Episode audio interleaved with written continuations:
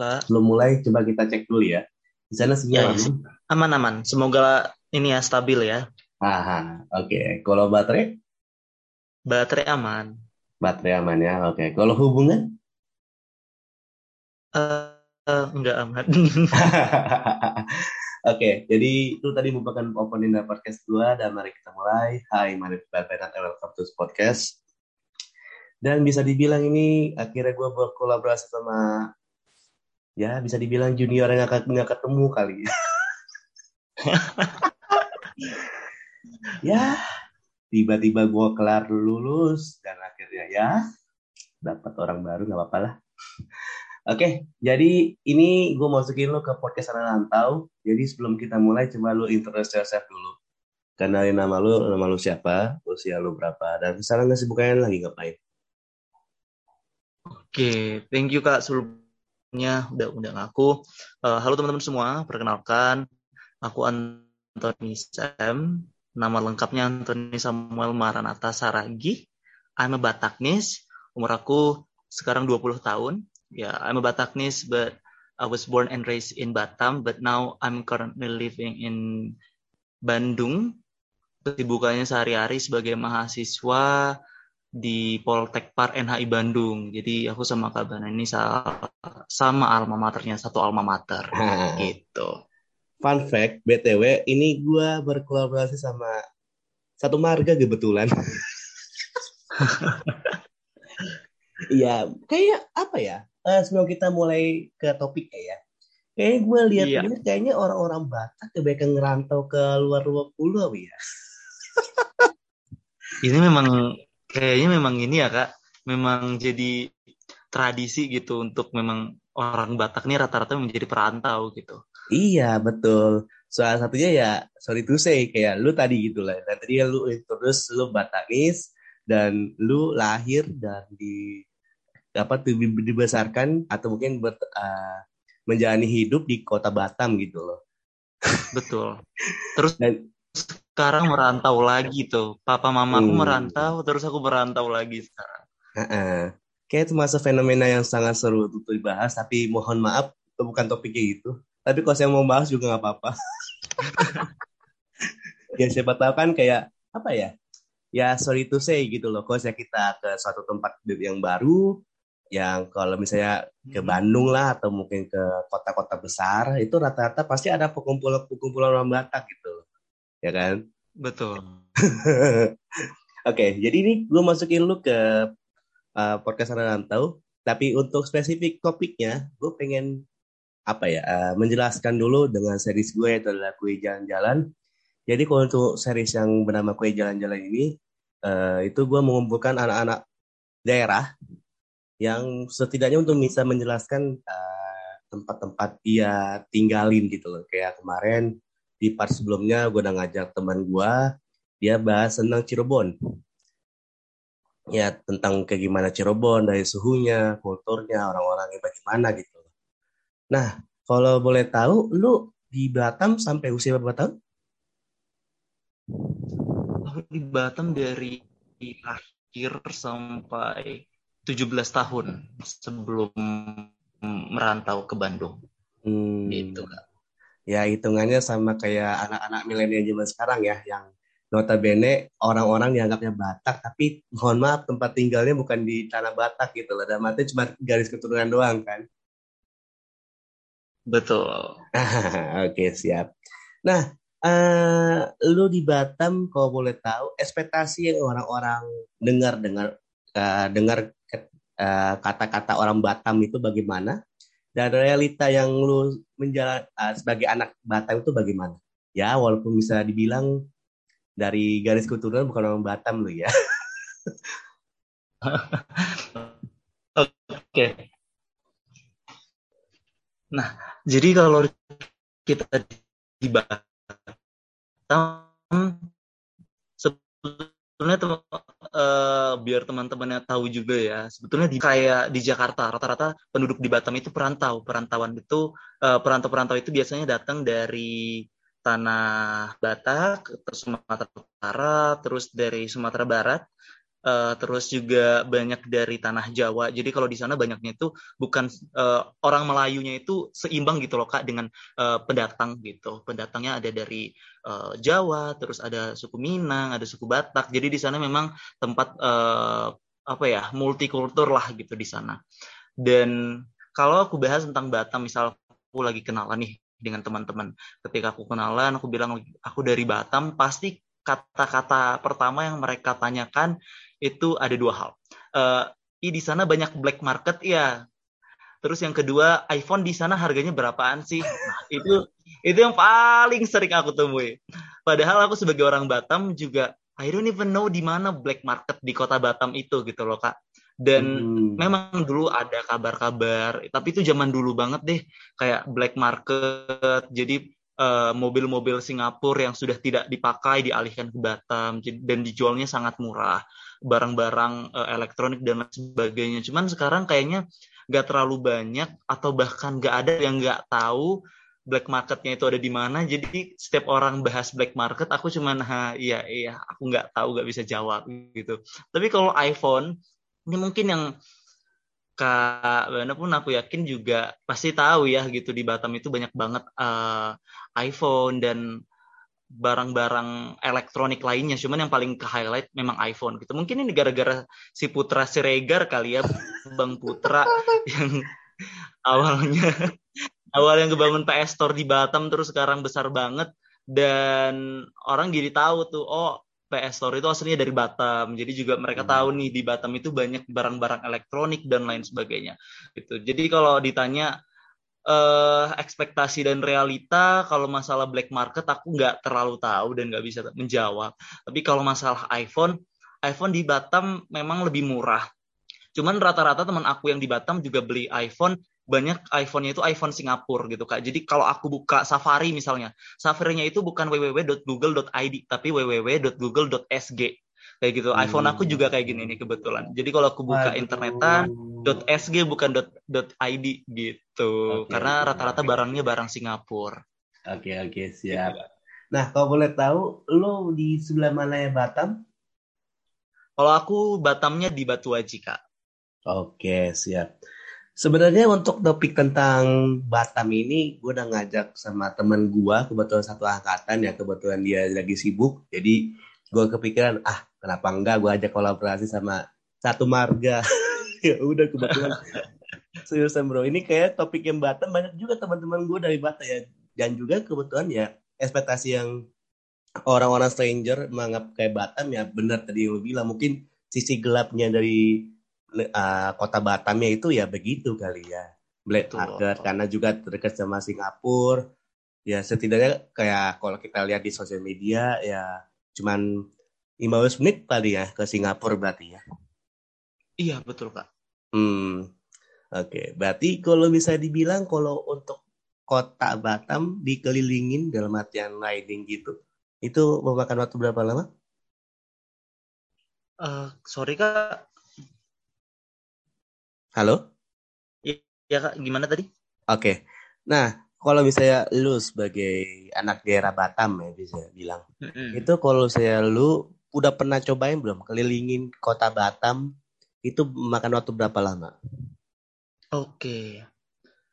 Kalau Batam itu sebetulnya gak terlalu besar ya kak. Karena kota Batam itu ada beberapa pulau. Jadi itu ada pulau Batam terus ada pulau-pulau kecil lainnya gitu. Cuman kalau kita di pulau Batamnya aja kita pengen jalan-jalan itu dari ujung ke ujung ya 40 menit doang sih kak. Karena pulaunya juga nggak terlalu besar gitu. Dan jalanan juga nggak uh, semacet kayak Jakarta dan lain sebagainya lah gitu. Jadi masih tergolong aman dan kalau kita mau jalan-jalan juga masih jalannya juga besar-besar, jalannya lebar-lebar, jadi masih bisa 40 menit gitu dari ujung ke ujung. Gitu. Oh, berarti kalau saya di Batam itu ada emang ada pulau-pulau apa aja, Bang? Oke, pulau-pulau itu sebetulnya ada tiga pulau utama. Namanya Batam, Rempang, Galang. Jadi uh, Batam Rempang Galang itu disingkat Barelang. Makanya kami punya uh, jembatan ke Batam terus pernah dengar atau pernah ke jembatan Barelang yang juga merupakan logo atau icon dari kota Batam. Nah, itu jembatan yang menghubungkan pulau-pulau utama tadi gitu. Hmm. Terus ada hmm. pulau-pulau kecil lain Kak di sekitar Batam itu. Cuman kalau kita bahas Batamnya rata-rata sih terpusat di Pulau Batam itu aja. Selebihnya pulau-pulau kecil yang kayak cuma dihuni uh, penduduk-penduduk suku laut atau suku Melayu gitu Kak. Hmm, oke okay, oke okay, siap. Nah, kalau misalnya dibilang di kota Batamnya berarti hampir-hampir mirip ya sama Ternate ya Soalnya pas itu di volume eh di season yang lalu gue udah pernah mengajak kolaborasi sama senior gue. Kebetulan hmm. dia itu pas kita tapping dia masih gawe di Ternate. Itu dibilang itu dari ujung ke ujung ya cuman dua jam. dia tuh Batam okay. lebih lebih lebih singkat lagi 40 menitan ya. Oke. okay. Di Batam kecil pulaunya kak. Hmm, iya iya. Bisa dibilang apa ya pulau kali ya, bukan kota ya, lebih tepatnya ke pulau ya. Iya, Pulau Batam kalau kita mau bahas ini. Cuman Pulau Batam itu, kota Batam itu ada Pulau Batam, ada pulau-pulau lain gitu. Oke, oke. Berarti lebih spesifiknya lebih enak didengar ya kota Batam berarti ya? Iya. Oke, siap. Nah, kalau saya di untuk di kota Batamnya, lu udah pernah ke mana aja? Jalan-jalan ke mana aja? Oke. Karena aku lahir dan besar di Batam, jadi aku udah pernah kayaknya hampir semua tempat aku nggak bilang semua tempatnya cuman hampir semua tempat tempat jalan-jalan atau daerah tempat pemukiman dan tempat mana aja kayaknya aku udah pernah kunjungin atau aku udah pernah hampirin sih kak gitu. Kecuali pulau-pulau kecil yang di sekitar Bang yang tadi aku bilang ya itu aku belum jalanin. Aku masih sedikit lah kalau jalan-jalan ke pulaunya. Cuman kalau di Batamnya di Pulau Batamnya itu uh, maksudnya aku udah pernah kunjungin semua kak gitu Hmm, oke oke. Um, kalau misalnya tadi kan lu sempat bilang kan lu introduce bahwa kota Batam itu lebih banyak dihuni oleh para para perantauan. Itu sebenarnya kalau untuk asli kota penduduk di sana itu ada nggak sih? Ada kak. Jadi kalau yang asli penduduknya itu adalah suku Melayu, uh, kita juga bisa bilang suku laut sih, suku Melayu laut gitu. Jadi mereka memang orang-orang yang sudah menduduki Pulau Batam itu dari uh, ratusan tahun yang lalu gitu. Oh, dan juga itu setidaknya kalah ya dengan para para perantau lainnya ya kayak salah satunya ya lo gini uh, kota iya uh, betul orang Batam lebih ya. besaran populasi uh, suku Jawanya gitu kak daripada populasi suku Melayu kalau di Batam tuh. Oke okay, oke. Okay. Soalnya berarti ini kisah ini hampir mirip dengan gue pernah berkolaborasi sama junior gue dan itu istilahnya ya kalau kayak lu mungkin seniornya kali. Lu tahu namanya Gezan Dami? Gezan oh, Milani? Senior aku. Iya. iya. iya. Ah, oh tahu ya. Oke siap. Berarti setidaknya di atasnya gue itu udah lebih nggak tahu lagi ya. Oke oke. Iya ya, nggak apa-apa, nggak apa-apa. Nah itu gue pernah kolaborasi sama beliau, Gezandana Milani. Itu gue bahas tentang daerah dia di kota Bontang. Itu ya dia bilang rata-rata penghuni di sana itu lebih banyak ke perantau. Ya karena ya seperti kita tahu lah ya, kalau saya Bontang kan lebih banyak ke industri. Ya bisa dibilang untuk destinasi, destinasi wisatanya justru bisa dibilang kurang ya gitu loh. Hmm. Nah, kalau saya untuk kota Batamnya itu yang di highlightnya itu apa? Uh, wisata alamnya, wisata buatannya, atau bagaimana? Oke, jadi kalau Batam itu sebetulnya yang terkenal uh, paling banyak sih sebetulnya wisata belanja ya kak kalau di sana, karena barang-barang um, yang tadi kayak aku sempat highlight barang-barang mungkin di sana banyak yang murah dan uh, wisatawan-wisatawan sih biasa kalau di paket-paket wisata yang mau jalan-jalan ke Batam itu ditawarin biasanya itu ke uh, pasti ada ngunjungi tempat belanja kita bisa bilang itu ada Nagoya Hill gitu. Nah itu tempat uh, pusat belanja perbelanjaan di kota Batam dan orang biasa sih di sana belanja tas, belanja barang-barang lah gitu kak banyak banget. Terus kalau yang kedua biasa itu alam uh, karena Batam ini kan pulau jadi kita punya banyak banget pantai. Dan uh, pantainya tapi nggak kayak pantai yang misal kayak teman-teman pernah lihat di Bali. Uh, pantainya rata-rata ini pantainya uh, ombaknya tenang gitu bukan pantai yang berombak. Jadi uh, kalau dibilang pantai karena dia jumlahnya banyak dan uh, apa ya ini yang bisa dijual dari Batam gitu loh kak. Karena dia punya pantainya banyak walaupun sebetulnya dari kualitas uh, dibandingin pulau sebelahnya Pulau Bintan pantai Batam mungkin gak seindah dan gak sebagus Pulau Bintan cuman gak kalah bagus kok dari pantai-pantai yang lain gitu. Terus hmm. wisata buatan juga banyak kak kayak jembatan Barelang. Terus kita ada salah satu uh, yang cukup ikonik itu ada kampung Vietnam. Jadi dulu pas perang Vietnam ada uh, penduduk Vietnam uh, cukup banyak itu yang merantau ke Pulau Galang yang ada di uh, Batam tadi yang salah satu pulau utama yang tadi saya sempat sebutin Kak. Nah, di pulau itu jadi ada satu pemukiman dan sekarang dijadiin objek wisata. Jadi mau dibikin kayak museum gitu Kak. Itu juga salah satu uh, yang jadi apa ya? Uh, destinasi utama lah gitu kak atraksi wisata utama yang ada di kota Batam. Hmm, gitu. betul, betul. jadi wisata belanja wisata buatannya terus wisata alamnya. Lengkap sih kak kalau mau ke Batam juga uh, wisata apa aja ada sih sebetulnya. Iya. Bahkan masih ingat banget gue tuh. Jadi teman gue ini kan dia membuka paket perjalanan di kota Batam. Nah itu hmm. salah satu destinasi wisatanya itu ya lebih banyak ya lebih ke highlight untuk yang destinasi belanjanya gitu loh bahkan sampai-sampai hmm. kayak ada thrifting gitu loh. Sampai-sampai kayak nah. orang-orang kena thrifting nah itu. Dulu sebelum zaman zaman thrifting terkenal ya kak aku tiap hari kayak nge-thrift gitu karena rumah aku deket ya sama ada pusat pasar second gitu di kota Batam. Gitu. Jadi kayak ya gak tiap hari sih cuman mungkin seminggu sekali paling paling sedikit satu bulan sekali aku pasti nge-thrift aja gitu. Beli sepatu beli mainan gitu dan memang barang-barangnya bagus gitu. Jadi itu juga salah satu apa ya, salah satu daya daya tariknya gitu kak, yang ya. ada di kota Batam, wisata ya. belanjanya. Uh, uh, Oke. Okay. Nah kalau misalnya tadi kan lu sempat bilang kan rata-rata uh, untuk yang lebih ke alamnya, untuk hmm. destinasi yang lebih ditonjolkan di kota Batamnya. Tapi lu pernah nggak sih lu berkunjung ke suatu destinasi, destinasi wisata, tapi untuk ke sana itu aksesnya pun jauh gitu loh. Atau mungkin sulit untuk sampai ke sana gitu loh. Pernah pernah nggak? Oke. Kalau ke tempat wisata yang uh, aksesnya susah pasti pernah. Karena aku dari lahir uh, sampai umur 17 tahun itu aku di Batam kak. Jadi aku ngalamin proses ada pembukaan pantai, pantainya udah dibuka, cuman jalannya belum di belum ada, belum bagus, belum diaspal, tapi baru diratain. Tuh aku pernah yang balik-balik mobil itu berlumpur atau motor itu pasti udah berlumpur banget karena jalannya jelek. Yang kayak kita kayak gitu, aku pernah alamin. Cuman cuman itu lebih ke proses pembangunannya sih kak gitu. Cuman kalau akses yang memang betul-betul susah itu mungkin kita bisa rasain kalau kita jalan-jalan ke pulau-pulau terpencil gitu kayak zaman dulu aku pernah ke Pulau Putri Pulau Putri itu nggak terlalu apa ya uh, itu ada salah satu pantai terkenal namanya Pantai Nongsa. Jadi kita bisa nyebrang dari Pantai Nongsa itu ke Pulau Putri. Ke Pulau Putri kalau zaman dulu kita naik kapalnya masih kapal yang jelek terus nyampe di sana juga uh, kita nggak bisa dapat apa-apa pun sinyal mungkin belum memadai dan lain sebagainya. Jadi masih sangat kurang. Cuman kalau yang aku lihat sih sekarang karena Batam juga salah satu kota wisata ya kak gitu. Jadi karena dia di uh, dekat sama Singapura juga pros uh, lokasinya strategis jadi juga pariwisatanya di sana udah cukup maju dan dinas di sana juga sudah cukup melek.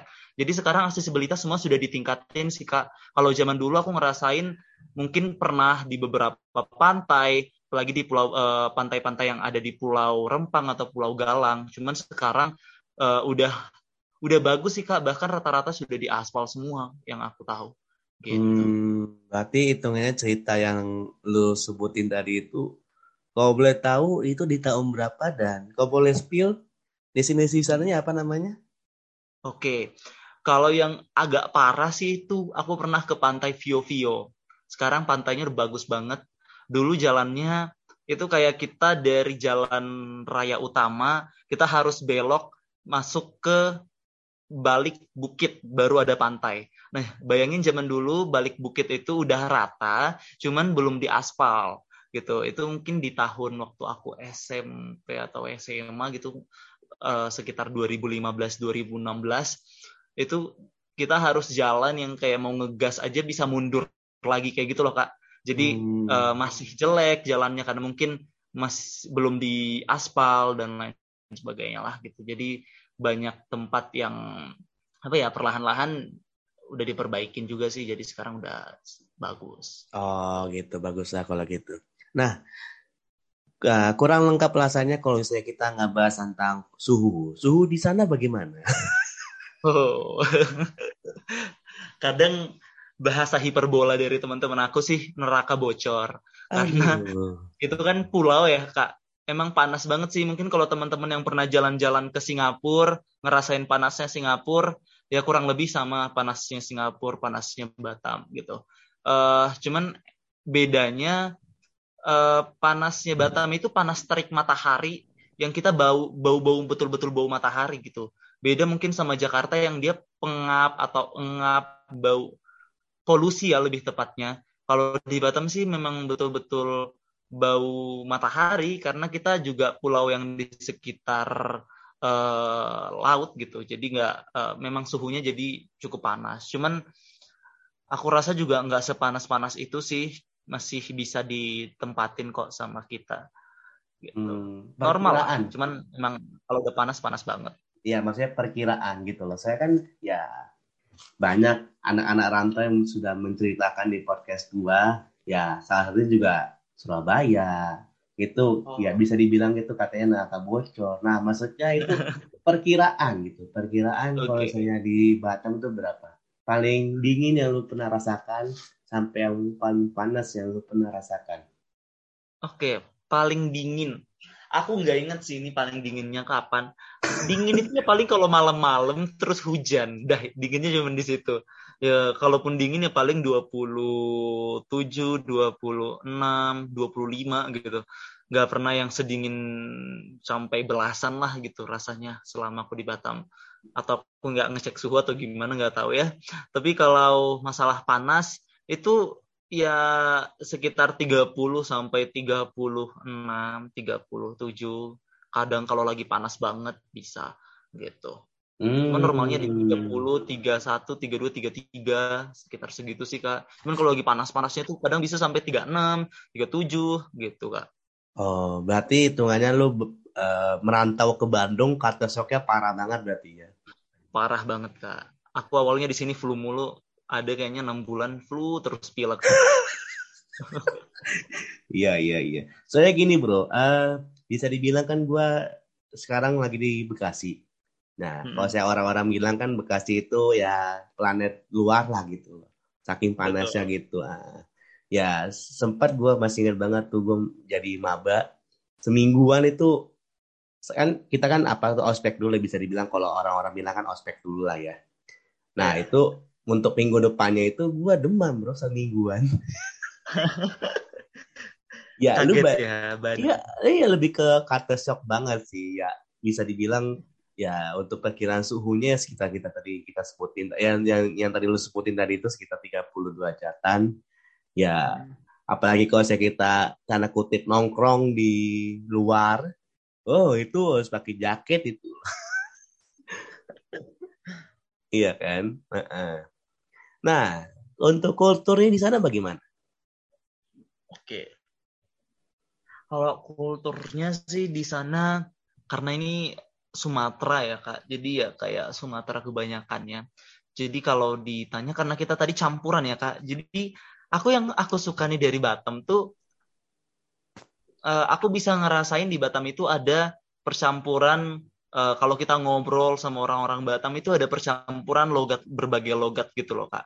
Uh, bahasa Indonesia tapi kita pakai logat Melayu terus di dalamnya juga ada uh, logat Bataknya logat Minangnya kayak gitu. Jadi um, apa ya dari segi bahasa kadang agak-agak uh, ke Medan-Medanan tapi ya masih nggak sekeras Medan cuman ada logat-logat Minangnya sedikit. Cuman kalau yang uh, apa ya bahasanya juga banyak kayak upin ipin gitu non, uh, Melayunya dapet gitu. Jadi bahasanya ya ngomongnya aku kau. Kadang keras kalau mungkin pendatang dari Bandung gitu datang ke sana kayak teman-teman aku yang di Bandung magang di Batam itu pada cerita orang Batam galak-galak itu bukan galak emang cara ngomongnya kayak gitu gitu. Nggak ada tuh hmm. aku kamu kamu tuh kayak kaku banget di sana gitu ternyata iya, harus iya, aku iya. kok gitu gitu loh kak culture-nya jadi oh. uh, kalau ditanya mereka tuh agak culture-nya ya uh, kayak Sumatera yang lainnya sih jadi cukup hmm. uh, keras-keras gitu orang ya. Yeah, Even teman-teman aku yang Jawa, Jawa tapi tinggal di Batam, itu Jawanya udah nggak dapet lagi kak kalau dia udah besarnya di Batam. oh gitu ya, ya ya oke oke oke. Nah kalau misalnya untuk orang-orang di sana bagaimana? Ya walaupun bisa dibilang uh, lebih banyak ke perantauan gitu. Hmm. Orang-orangnya bagaimana? Oke. Okay. Maksudnya dalam artian kayak, orang... maksudnya dalam artian gini loh bro. Dalam artian misalnya kayak dia lebih ke friendly atau mungkin lebih mudah di uh, diajak buat nongkrong atau mungkin dia okay. tegas orangnya baga bagaimana gitu. Kalau orang-orang di uh, apa ya Batam yang aku suka sih sebetulnya toleransinya ya kak gitu toleransinya uh, orang Batam itu tinggi karena tadi yang aku bilang ya mungkin karena Batam ini multikultural gitu. Jadi kita uh, sesama perantau yang datang ke kota orang terus kita mendiami itu uh, saling menjaga rasa saling menjaga apalagi kayak misal nih uh, paguyuban Minang di sana itu kuat, paguyuban Jawa di sana uh, Jawanya banyak. Misal paguyuban Jawa Klaten di sana kuat, paguyuban uh, perkumpulan orang-orang Batak di sana juga kuat gitu. Jadi rasa karena mereka sama-sama saling merantau jadi rasa uh, saling menjaganya perantau yang mau datang ke Batam, saran aku sih carilah uh, dan kalau bisa dapetin tuh orang yang sama-sama uh, dari asal kita gitu. Misal teman-teman dari Bandung, kalau bisa cari tuh uh, paguyuban Pasundan yang ada di Bandung. Karena nanti ketika kita di sana kita bisa jadi keluarga karena yang aku lihat sih paguyuban di Batam rata-rata kayak gitu ya Kak, cukup cukup kuat gitu. Cuman kalau ditanya kehidupan sehari-hari di sana orang-orangnya ya uh, karena perantau jiwanya keras, senggol bacoknya ada.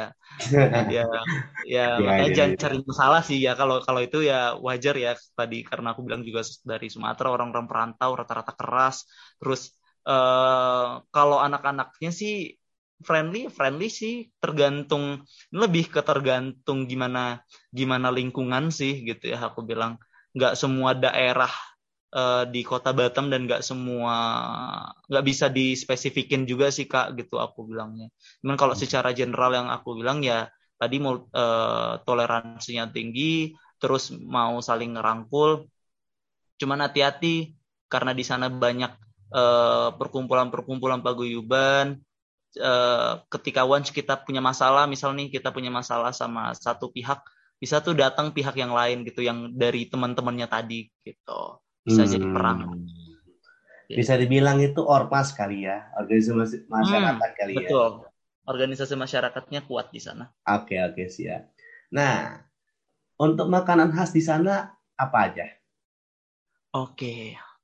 Makanan khas di Batam karena tadi aku bilang kita multikultural, cuman balik lagi karena Batam itu aslinya Melayu, uh, suku aslinya Melayu, jadi kita di bawah apa ya kalau filosofinya Batam itu kita di bawah payung Melayu gitu. Jadi makanan-makanan daerahnya pun rata-rata makanan Melayu. Nah, kalau makanan Melayu itu biasanya itu ada luti gendang, itu kayak roti isinya abon. Terus ada um, mie apa ya namanya itu? Mie tarempa ya, mie tarempa, mie lendir, mie sagu. Banyak sih Kak mimian yang ada di Batam yang cukup terkenal gitu. Terus yang teman-teman nggak boleh uh, lupain kalau teman-teman datang ke Batam itu seafoodnya karena kan tadi dia dikelilingin laut ya. Jadi seafoodnya itu terkenal banget. Cuman yang paling terkenal itu gonggong. Nah, gonggong itu kalau teman-teman pernah nonton Upin uh, Upin Ipin lagi. Pernah nonton uh, SpongeBob, pernah nonton SpongeBob yang jadi kerang ajaib Nah, bentukannya itu kayak kerang ajaib itu loh gitu, yang jadi telepon, bentukannya kayak telepon. Oh, nah, gitu. kira-kira kira-kira gonggong itu kayak gitu. Nah, itu biasa gonggong itu direbus, dan ya direbus doang sih aku nggak tahu diapain lagi setahu aku cuma direbus oh, itu jadi makanan apa ya, yang cukup terkenal dan jadi highlight lah gitu di Batam. Hmm. Tapi nggak cuma di Batam ya, itu juga terkenal di Singapura, di Malaysia karena kan kita masih satu rumpun yang Melayu. Iya, satu rumpun. Gitu. Nah, itu kan salah satu makanan yang halal. Kalau yang non halal? Non halal. Uh, karena di sana juga banyak Chinese ya gitu. Jadi rata-rata Chinese food di sana juga cukup terkenal sih baku teh yang kayak gitu-gitu, Kak. Hmm, oke. Okay. Berarti bisa dibilang untuk makanan halalnya pun uh, masih bisa dijangkau ya masih masih dalam artian masih bisa diketemuin gitu ya restoran atau tempat makannya ya berarti ya. Masih masih masih masih banyak. Okay, non halal juga di sana banyak orang Batak tadi ya aku bilang. BPK di sana nyarinya gampang kak. Ya, kayak nyari di Jakarta atau di Bekasi jauh lebih gampang di Batam. Sumpah deh. Iya dibanding di Bekasi nyari BPK di Batam lebih gampang nyari. Oh, per berapa ratus meter ada Iya, kalau saya di Bandung, kalau saya mau sekalian fancy, kita di Sudirman. Lah, ilah. Jauh ya? Iya, jauh. Terus kalau, kalau sekalian fancy ya, kalau saya hmm. di kayak BPK gitu ya, mungkin di daerah-daerah pinggir-pinggiran lah gitu. Iya. Nah, ya. nah kalau saya untuk minuman, ada yang khasnya nggak? Minuman? Hmm. Sebetulnya minuman, uh, aku nggak tahu ya apa yang khas banget minuman dari kota Batam. Uh, sorry teman-teman Batam kalau ada yang tahu nanti boleh komen atau boleh kasih tahu ya ke kami. Iya. Tapi kalau yang jadi salah satu yang unik itu kak di Batam itu kita nggak bilang es teh manis tapi kita bilang teh obeng. Oke, oke, oke. Terus kalau teh panas itu kita bilangnya teh O. Jadi kalau teh panas itu teh O, teh dingin itu teh obeng. Dan di sana jarang banget teh tawar tuh jarang banget. Aku kaget pas pertama kali ke Bandung ke Jakarta juga sih. Uh, pas di Jakarta itu dapat minuman teh tawar tuh kayak aku langsung aku buang gitu karena gak pernah minum teh tawar sebelumnya. gak tau emang di Batam gak pernah ada teh tawar. Jadi kalau kita minum ya udah disiapinnya air putih. Yang yang gratisan tuh air putih nggak ada disiapin teh tawar yang gratisannya. Oh gitu. Iya iya iya. Mungkin karakternya yang berbeda ya nggak apa-apa nggak apa-apa. Betul Oke, jadi untuk menutupi kolaborasi kita pada kali ini, coba lu kasih kesan, kesan lu selama bisa dibilang 17 tahun ya, 17 tahun lu menjadi anak daerah di Batam. Ya gue nggak tahu apakah mungkin kelar kuliah lu masih, lu bakal balik lagi ke Batam atau mungkin lu melanjutkan karir ke tempat yang lain. Dan lu coba kasih pesan, setidaknya ya, ya ya bisa dibilang mempromosikan lah jadi untuk teman-teman Batam itu kota yang kecil, kota yang penuh dengan orang-orang perantau dari Sabang sampai Merauke itu ada. Dan Batam itu ketika teman-teman datang, pas teman-teman pulang pasti teman-teman nggak bisa lupain karena Batam itu sangat spesial. Jadi untuk teman-teman yang mau jalan-jalan, teman-teman yang mau belanja, teman-teman yang mau liburan, atau teman-teman yang mau nyebrang ke Singapura, tuh jangan lupa singgah dulu ke Batam gitu. Karena kalau teman-teman gak singgah ke Batam, rasanya teman-teman gak dapet gitu feelsnya. Karena aku bisa bilang Batam itu bisa jadi miniaturnya Indonesia karena ya di sana banyak banget keberagaman yang ada gitu dan banyak juga tempat-tempat wisata yang teman-teman wajib kunjungi di Batam. So, jangan lupa untuk nikmatin gonggong kami untuk foto-foto di jembatan Barelang dan teman-teman yang mau nyeberang ke Singapura atau teman-teman yang mau liburan ke Singapura, saran aku sih ya biar teman-teman sekali jalan bisa ngelintasin dua tempat, terbangnya uh, nyebrangnya via Batam biar lebih murah gitu. Di Batam teman-teman nanti juga bisa belanja kok banyak yang bisa dibeli di Batam dan banyak bisa lakuin di Batam. Gitu. Iya. Thank you kakak okay. alumni udah undang aku. Aduh, kakak alumni perasaan kayak udah lebih tua anjir udah kayak iya, walaupun iya dong, nggak salah kan? Iya betul sih. Ya, gua kelar, ya lu baru masuk. Ya tadi lu bilang kan, lu 20 tahun. Gua tahun ini 25. Oke, berikut mau pakai episode pada kali ini. Sampai jumpa di episode berikutnya dan sampai jumpa.